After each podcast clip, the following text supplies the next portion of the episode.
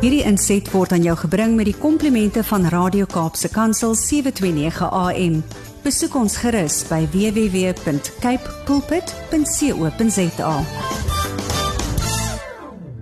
Hartlik welkom by ons gesprek oor die leefwêreld van mense met gestremthede. Dit is altyd lekker om so 'n bietjie inligting deur te gee en ek's baie opgewonde oor luisteraars wat navraag het oor baie belangrike sake. En een van die sake is mense kla oor die SABC wat nog nie subtitels het of onderskrifte het uh tydens nuus berigte nie. Hulle sê daar hardloop so 'n strip inligting aan die onderkant verby wat baie keer steurend is en af en toe gee hulle dan so hooftrekke in geskrewe formaat op die skerm, maar hoekom is daar net gebaretaal tolke en nie 'n kwessie dat subtitels of captions soos dit in Engels bekend staan beskikbaar gemaak word vir mense wat gehoorverlies het, ons ouer persone en natuurlik ook dit se uitdaging rondom tale.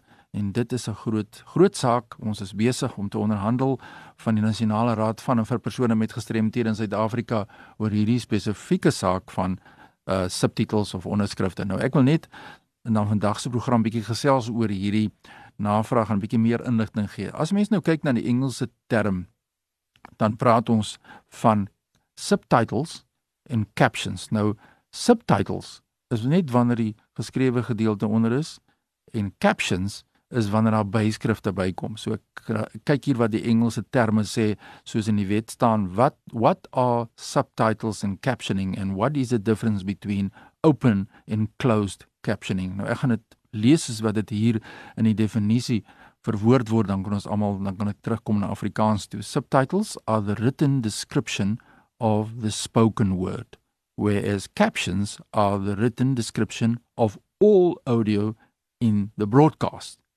The spoken word and all the background and descriptive notes. notes. Nou dit is baie belangrik om daarvan kennis te neem.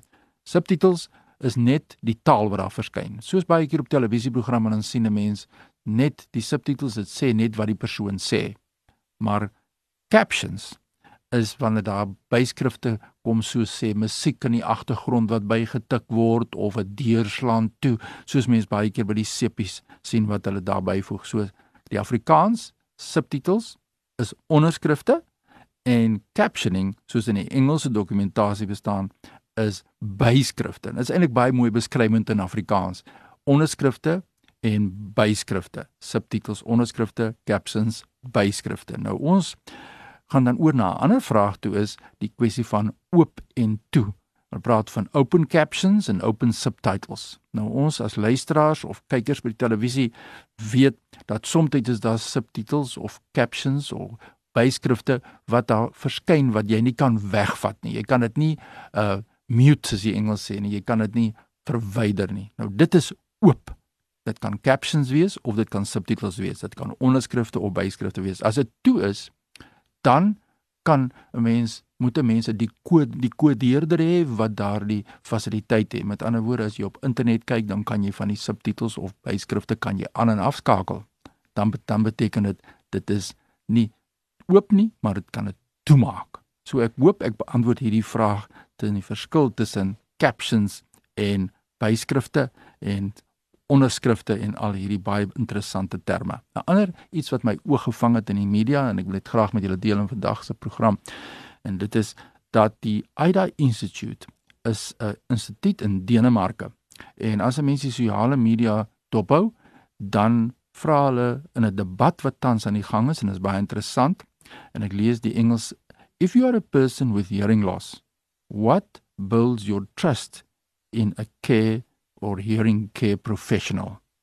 So as jy iemand is met gehoorverlies, wat bou die vertroue by jou in die terme van die diens wat jy ontvang van jou gesondheidsprofessionele persoon. Dit kan nou wees audioloog, dit kan wees oor en neus keel spesialiste. Nou die AIDA Institute spesifiek fokus wêreldwyd, ook in Suid-Afrika op die dienste wat die gemeenskap ontvang. En ek wil graag by jou as 'n luisteraar hoor, wat was jou ervaring? en nie noodwendig negatief nie, maar positiewe benadering te sê wat het vertroue gebou tussen jou en wanneer jy gaan en jy besoek 'n audioloog vir 'n gehoortoets en wat is jou ervaring? Wat sou jy graag wil sien gebeur? En dan die tweede vraag wat die AIDA Institute van Denemarke wat soos ek sê hier ook in Suid-Afrika werk, if you are a hearing care professional, what do you think inspires trust in your clients? So die dan gooi dit nie minste na die ander kant toe en sê as jy dalk 'n professionele persoon is wat diens lewer aan mense met gehoorverlies of dowes in die gemeenskap, wat is daar wat jy sou sê daardie pasiënt, daardie kliënt van my skep vertroue by my as 'n professionele persoon.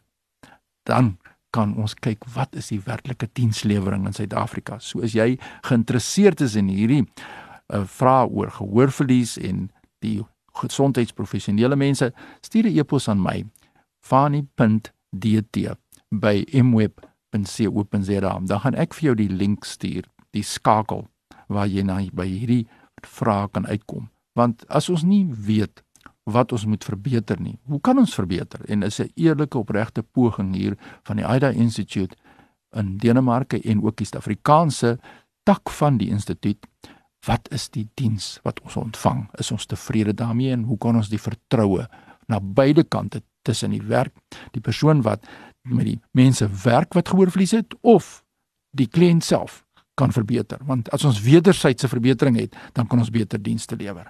My e-pos is fani.dt by mweb.co.za. Ek groet jou tot 'n volgende keer.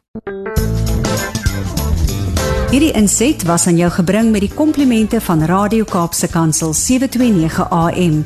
Besoek ons gerus by www.cape pulpit.co.za.